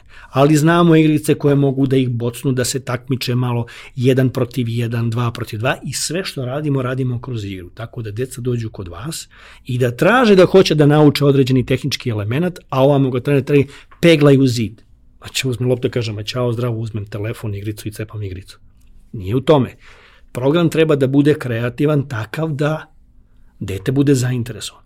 Naravno, radimo i tehničku evaluaciju i obavezno, ništa se ne piše crvenom olovkom, sve se piše zelenom. Treneri koji rade sa decom treba da dobiju od nas podršku, a ne prekor. Jer će ta deca da se vrate u svoje klubove i treba da nastave da rade sa svojim trenerama. Mi treba da im budemo podrška i da im kažemo poradite malo više na ovome, ovome, ovome i ovome. Da li znaš koliko sam za četiri godine dobio poziv od strane trenera da me pita šta ti misliš ovo ili ono? Nula. Zato što postoji predrasuda i strah. Jer, Bože moj, oni koji sa mnom sarađuju, ti su ovoliko x. Pa ne treba za sebe. Radimo to za decu. U tome jeste poenta cele priče.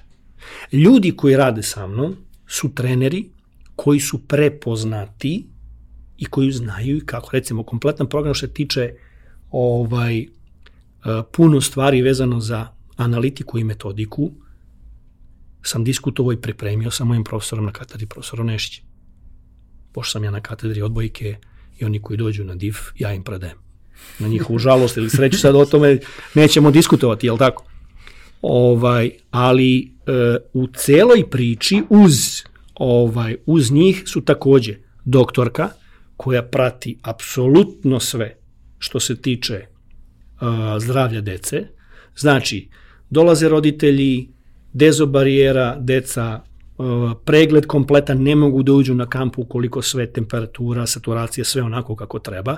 Tri puta dnevno meri temperaturu dece. Prošle godine 375 učesnika, nula slučajeva korone. Kada je proglašeno vanredno stanje u Zaječaru, odmah smo zaustavili kamp i rekli kamp se prekida. Svi ostali su nastavili. Ja to radim zbog dece. Tačka završena priča. I ove godine će biti isto. Znači, ista organizacija sve, suština jeste u tome da deca budu onako kako treba da budu, zdrava i bezbrirna. Imamo produkciju koja prati sve, snima sve i sve kačimo tako da mogu i deca i roditelji da vide o čemu se radi. Predavanja koja radimo sa decom su takva, Aleksandar kaže, ok, koji je najveći strah kad ste na odbojkaškom terenu? I oni kažu, pa da ne pogrešim ili da ne uspem. I onda razgovaramo sa njima kako taj strah da prevaziđu. Nećeš mi verovati, Ivane, 50% deca plače. Zato što se prepoznaju. Zato što shvataju da je u stvari problem bio toliko jednostavan, jer kad dođu na kamp kod mene, im kažem ovako, vaš zadatak je da grešite. Vaša greška je moja. Jer ako vi grešite, ja ću da vidim šta je problem i ja ću da vam pomognem da zajedno to prevaziđemo. Deca se plaša da greši. I odrasli ste plaše da greši. I vrlo često snovi ljudi padaju u vodu zato što ne žele da se izblamiraju da pogreše. Pa ne može drugačije ljudi, ne možete napredovati drugačije, to je tako. I to je okej, okay, to je ljudski. Postoje dve vrste greške. Ona koja se radi zato što nešto želiš da uradiš ili ona koja se radi iz straha. Kažem, evo jedna situacija. Ti si na servisu 14-13 i hoćeš da serviraš taj brek, odlučujući meč. O čemu razmišljaš? Samo da ne pogrešim i samo da prebacim. Tako. Onaj koji je na liniji slobodnih bacanja. Isteklo vreme, pola koša vodi protivnik. Sad ću da pogodim u obruč ili ću promašiti ili ćemo ista stvar i futbal i znači psihologija je apsolutno ista. Ja ovo nisam čuo od mojih trenera, jer oni to nisu prošli na terenu. I zbog toga to radimo sa decom, ne da im pomognemo samo da imaju uspeha u sportu, već da znaju sutra kad odrastu, za čega god da se odluče, da se fokusiraju samo isključivo na ono što treba da rade. Jer to jeste poenta da bi bili uspešni, odnosno da bi uživali u onome što rade. E sad recimo za ove koji su malo stariji, odnosno za najstarije grupe, imamo trenere koji imaju... Koliko godina je najstarija grupa? E, recimo, najstarija grupa je 16, 18, može se desi eventualno 20. Imamo dva trenera koji rade jako dobar posao. Jedan je Dejan Milanović iz Velikog gradišta koji je, što se tiče dečaka, kod nas ubedljivo najbolji trener. Ovaj, I iskreno jako me čudi da nije selektor neke mlađe kategorije, ali opet ne bih to da komentarišem. On je bio treći na školskom prvenstvu svetskom. Ne znam koliko godina za redom non stop je prvi u, u kadetskoj, juniorskoj, pionirskoj ovaj, selekciji. Jako dobro, on je profesor fizičkog i jako dobro radi sa dečacima. Njemu pomaže Zoran Vidaković, koji je prvi trener uh, Tijane Bošković i Starovića, koji je izuzetan pedagog, koji je iskusni uk i on je koordinator za, za salu. Kod devojčica radi Uglješa Šegad, koji je dvostruki prvak juniorski i kadetski Rumunije i sa Blažom, kada je ovaj Zakoč, naš trener, bio tamo, bio dvostruki prvak Rumunije, seniorski takođe, koji inače sad vodi klub u Rumuniji i on zaista radi odličan posao. Za najmlađe imamo tri devojke koje, za one koji su najmlađi, koji ima čak nek, bilo je i 7 godina, 8 godina, 9 godina, 10 godina, prave im poligone, e, deca se igraju, odbojka je tu sredstvo igre, a ne sport. Uh, ja vidim moju Milu koja je prošle godine peškir ispod ruke, još poslala, Mila deć, idem na jogu. Oni im organizuju recimo prvo buđenje i tako dalje i tako dalje. Imamo ovaj bioskopsku salu u hotelu, tako da klinci mogu da gledaju i tamo i držimo sva predavanja. Naravno, moj burazar će i ove godine biti dve smene, vrlo često mi dođu u posetu uh, moji prijatelji Vojin Četković pre svega. Na Zlatiboru nam je bio i Žiba, ove godine ne može zato što je dobio ovaj dete. Bila nam je čak i Polina Rahimova iz Azerbejdžana koja se ovaj oporavljala i tako dalje i tako dalje. Recimo, jedan deo aktivnosti je u sali, drugi deo aktivnosti je na pesku, gde je moj dugogodišnji saradnik i prijatelj Marko Stojanović Bataja, koji je bio koordinator uh, mlađih selekcija odbojke na pesku Odbojkaškog saveza Srbije do 2016. godine. On se bavi tim programom, odnosno on vodi taj program koji deca prolaze takođe i na pesku i taj uvodni poligon koji je i na pesku je veoma značaj zato što je pesak proprioceptivna platforma jako dobar za mišiće svoda stopala kao prevencija i tako dalje i tako dalje. I naravno imamo fizioterapeuta Gorana Blagojevića koji vodi ceo program vežbi na bazenu, obzirom da u Sokobanji imamo, koristimo i akvapark.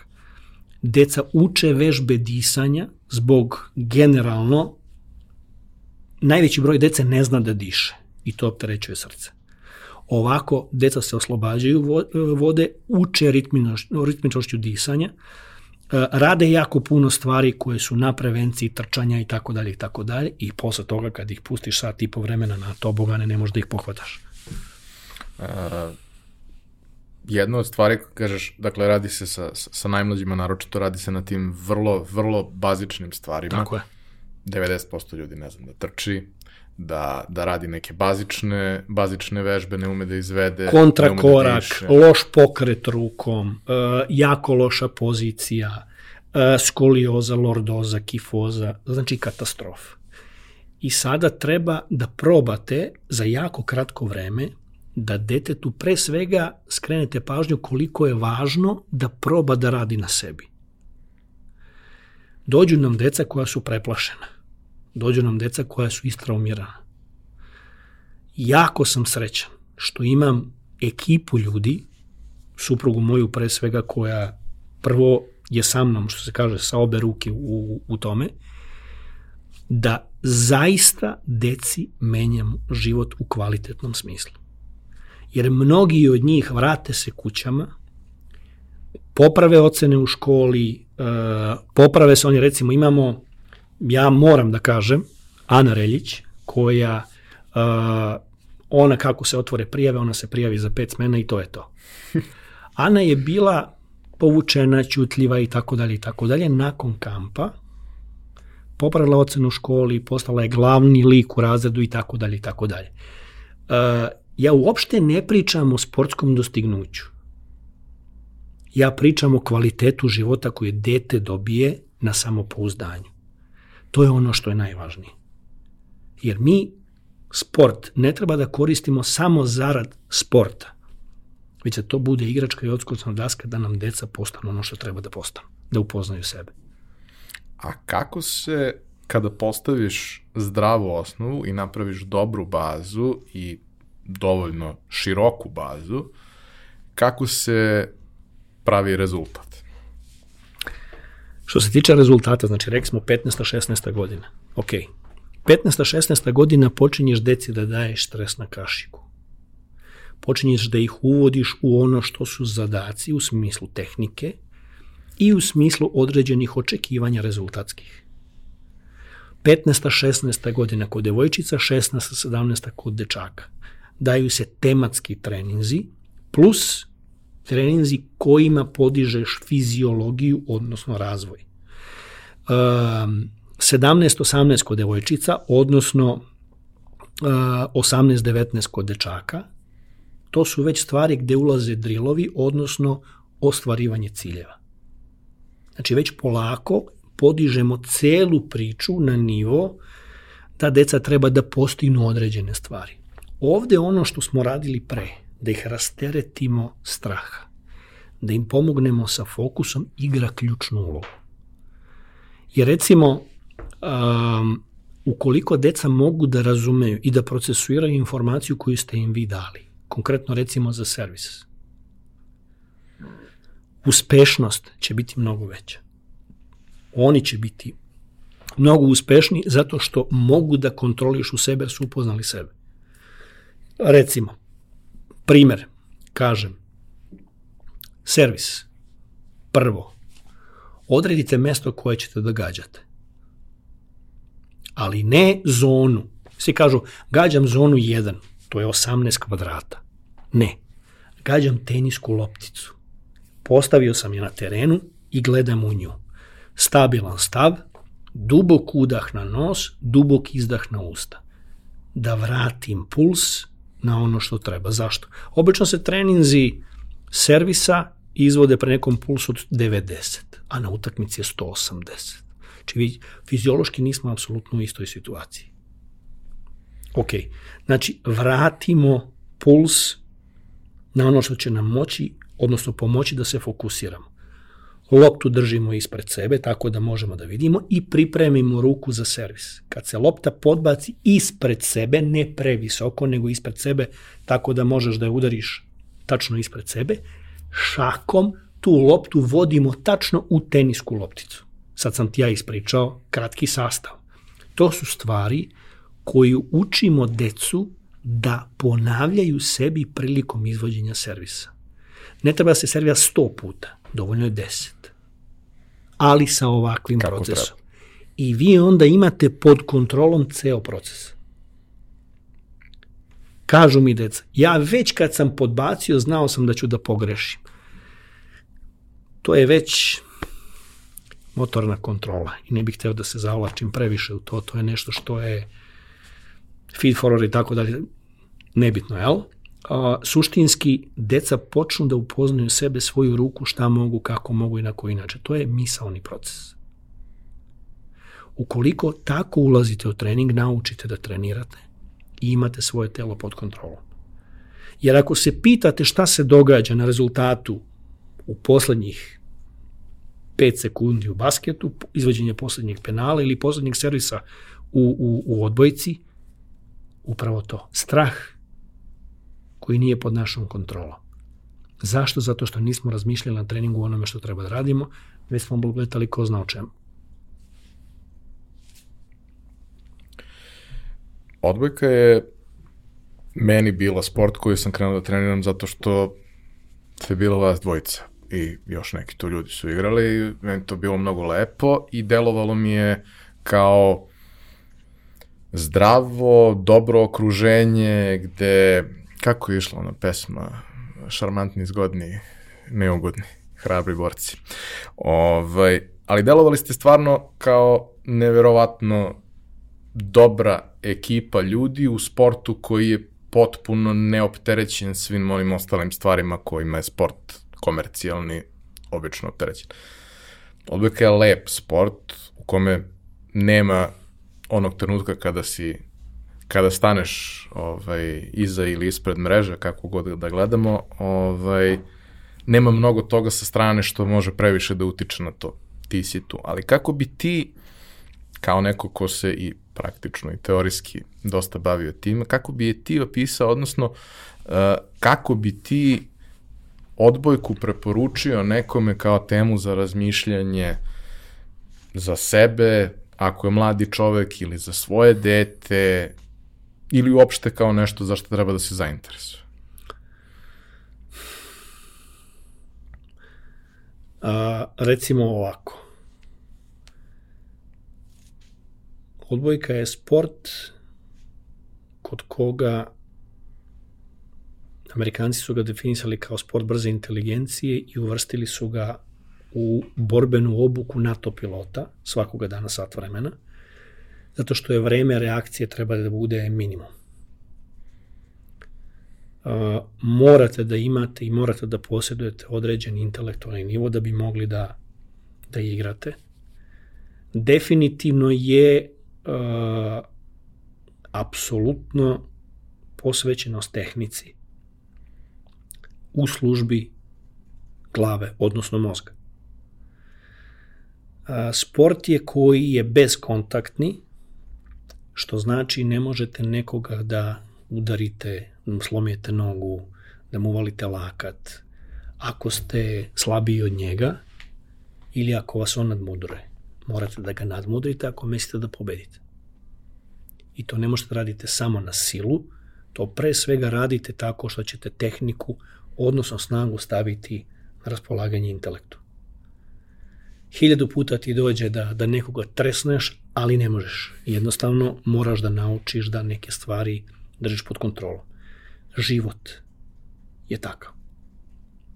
Odbojka je ozbiljna škola života. I ono što sam naučio u životu, naučio sam iz odbojke.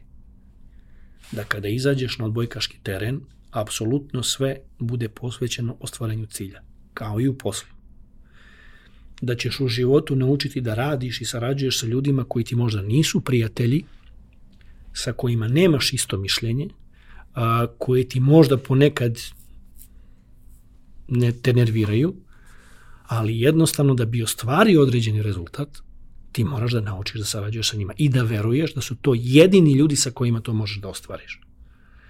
Da prevaziđeš sve razlike, da prevaziđeš mržnju. Ja sam igrao u šest zemalja sveta, sa svim mogućim rasama i, i, i, i, i nacionalnostima, sa svim mogućim religijama i uvek su me uzimali zato sam bio čovek tim. Jer za mene razlike ne postoje. Postoje samo dobre ljudi i oni koji su teži i lakši za saradnju. I to je to.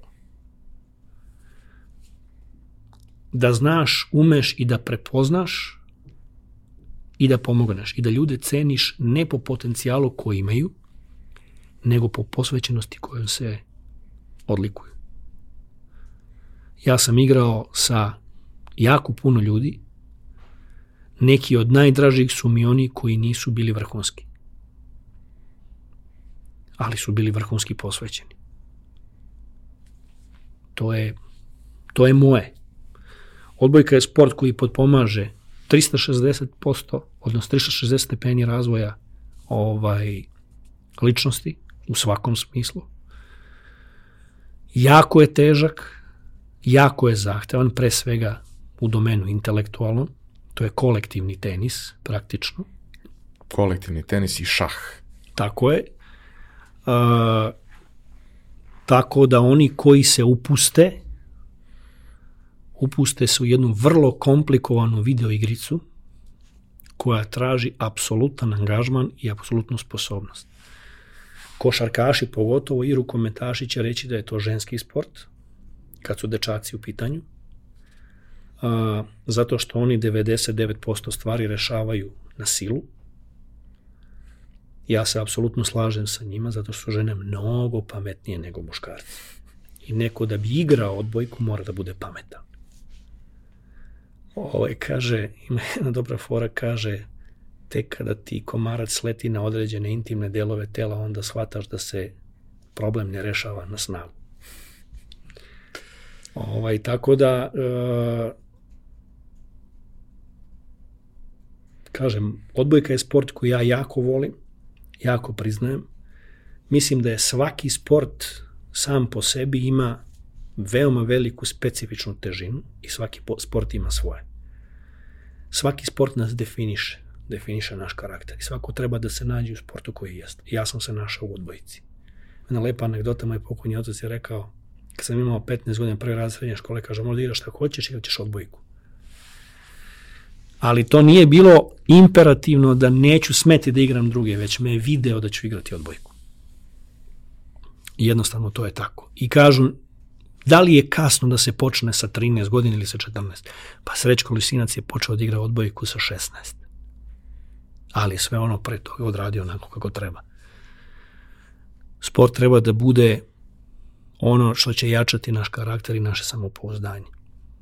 Na neki način kao da bi bilo dobro da to, to što si i rekao da je, da je trenutak kada se klinci opredeljuju i kada prelaze u nešto, da to bude trenutak specijalizacije za nešto. Tako je. A da do tog trenutka Tako suštinski je.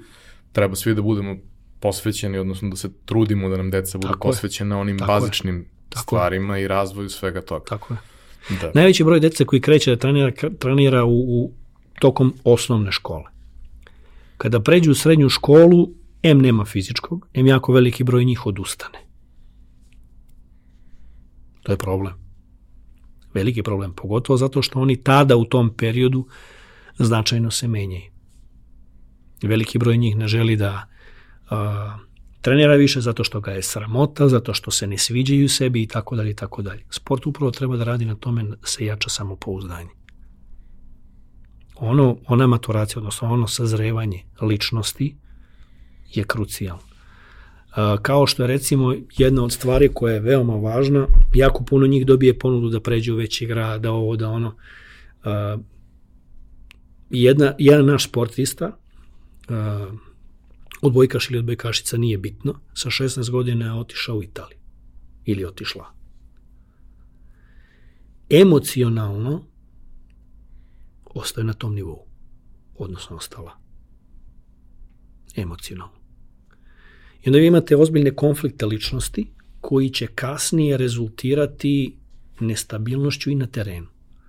Mene je pitao recimo jedan najbolji, za mene najbolji trener ovaj, odbojkaški ženski, kaže, aj mi objasni, molim te, kako to u jednom trenutku ona uradi nešto što može da uradi samo muškarac. A onda u sledećem trenutku se izgubi u čaši vode. Kaže, vidi ovako. Kad neko odraste u Jugoslaviji 90-ih, gde su apsolutno sve vrednosti poremećene, kada izađe u 16. godini i nije završio onaj emocionalni razvoj koji je trebao, što znači nedostaje emocionalna stabilnost, jel treba da nastavim ili ti je sve jasno? Sve mi jasno. Zdravlje naše dece, ali kompletno zdravlje, treba da je broj jedan. Sport dolazi posle. Ostvarenje vrhunskog rezultata traži kompletnu ličnost. Ne, ka, ne može preko noći, ne ide. Ja ono što znam da ide preko noći nosi minimum 10 godina robija. Volio bih za kraj da te pitam još jednu stvar. Doteko se sa toga, a, a to jeste bila jedna od tema koje sam hteo da prođemo. Ti si igrao odbojku u šest zemalja. Svaka od njih je specifična na svoj način. I zapravo kad razmišljaš malo o tome, većina tih zemalja imaju sa sobom neke vrlo jake uh, tradicije i specifične kulture koje nosi sa sobom. Kako se jedan uh, olimpijski šampion i jedan čovek ne baš jednostavnog karaktera uklapa u sve to i šta naučiš iz svake od tih svakog od tih okruženja, svake od tih situacija? Prvo da bi te ljudi prihvatili i da bi te poštovali moraš ti da poštuješ njih i da prihvatiš njihov način razmišljanja, njihovu kulturu, njihov jezik i sve ostalo. Daću ti primjer. Nakon dva meseca u Japanu, ja se sudi obraćam na japanskom, njemu ispada pištaljka. Ja sam Japan zavoleo iznad granica normale. Kad sam odlazio, ceo moj tim je plakao. I dan danas imam fenomenalne odnose sa njima i dan danas se čujem. Ja sam rekao, ja nisam gaijin. Ja želim da budem Japanac isto tako kao i vi. Mi smo napravili tim, napravili smo ekipu koja je zaista nakon pet godina se vratili u, na finalni turnir. U Brazilu, u Brazilu sam imao ekipu gde je bilo sedam crnaca i šest belaca. I odmah mi se crnac rekao jedan, ja sam rasista, ti i ja ne možemo biti prijatelji. Ček, ček, ček, samo malo. Samo polako. Sve okej, okay, ali prvo me upoznaj pa mi sudi. Pa ako budem govno, ti kaži, nije sporno. On čovjek nije hteo da izlazi nigde bez mene. Zvao me Beli brat. Uh, predrasuda je najčešća kod ljudi koji su nesigurni sami po sebi i koji nemaju dovoljnu kulturu. U Turskoj imao sam prijatelje koji je nažalost preminuo, s kojim sam bio ma kao sa rođenim bratom. I dan danas ja se i čujem i dopisujem sa njegovom suprugom i sa njegovim malim sinom. U Italiji kumovao sam uh, jednom prijatelju, Italija je 11 godina sam igrao u Italiji, u 16 godina 11 sezona. Zemlja koja mi je pomogla poprilično i u stasavanju i kao ličnost, ali jako puno i mnogo više kao sportista. Imam jako puno prijatelja, osjećam se kao kod kuće. Rusija Rusija možda i Grčka, koje su dve pravoslavne zemlje, su mi možda i najdalje. Moskva nije oličenje ruske duše. Imali smo vrlo strog sistem.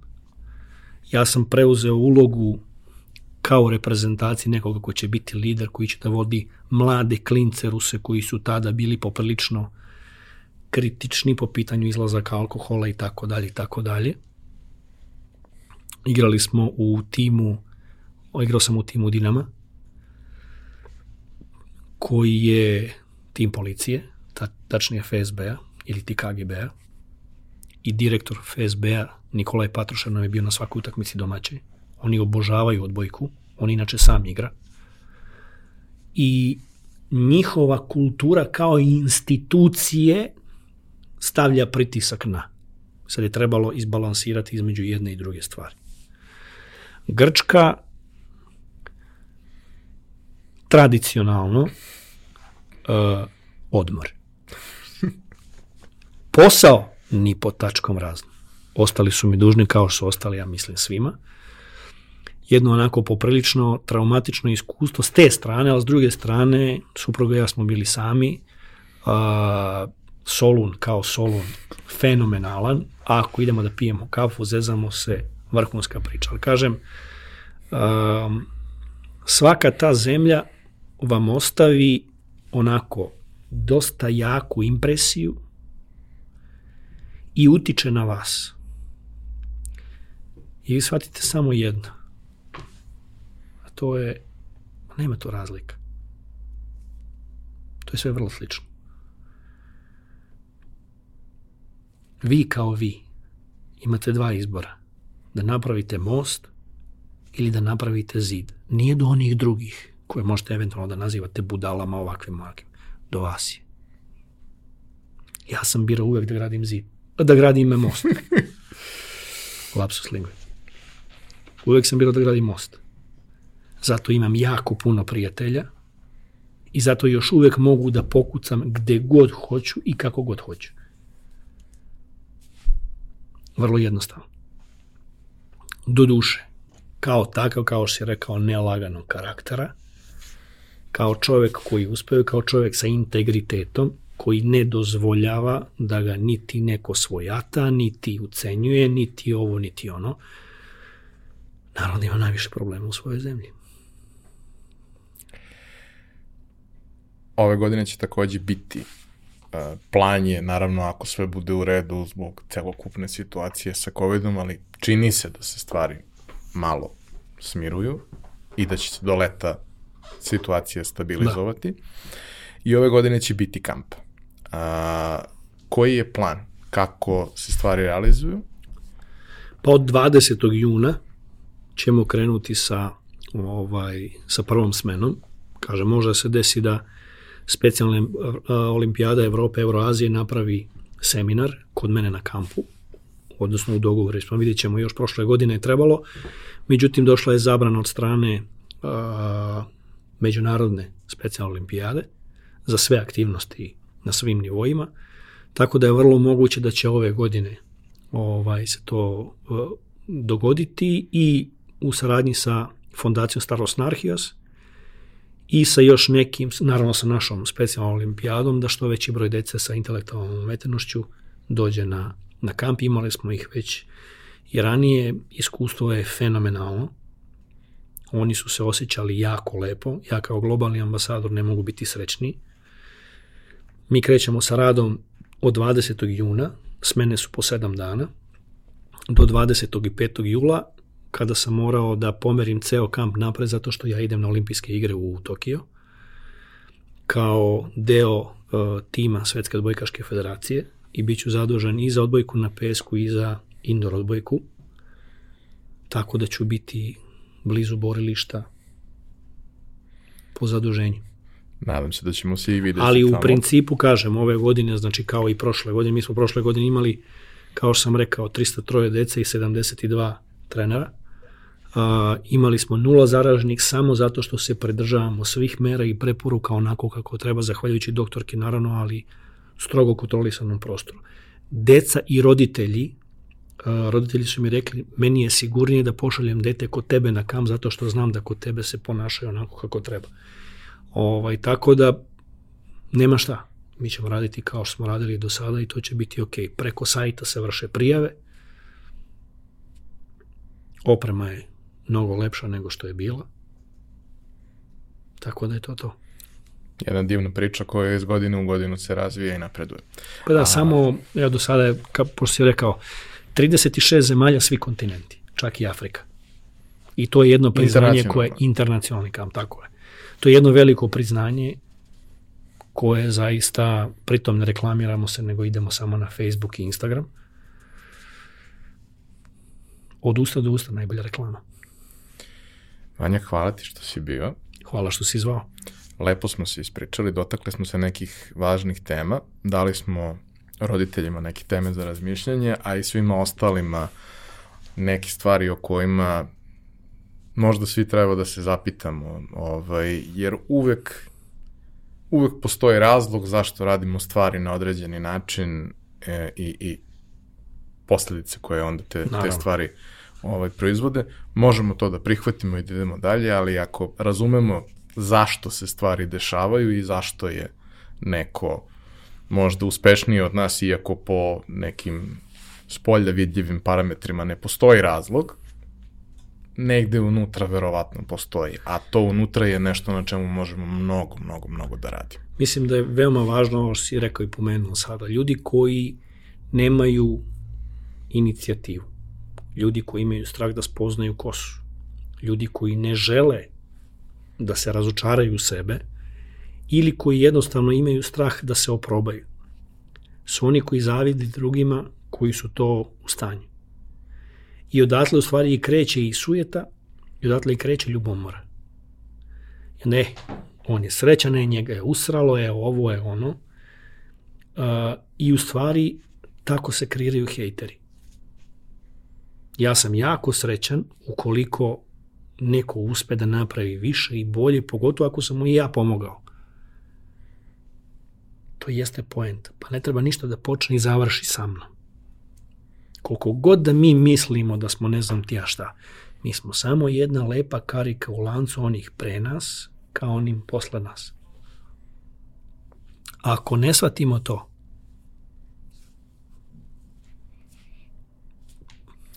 Hvala za zaključak. Hvala vam što ste nas slušali i gledali. Hvala kompaniji Epson koja nas podržava već ovaj, nekoliko meseci, kao i da sad sve svoje predloge, komentare, sugestije, pitanja ostavite u komentarima na, na YouTube-u i na društvenim mrežama i vidimo se sledeće nedelje.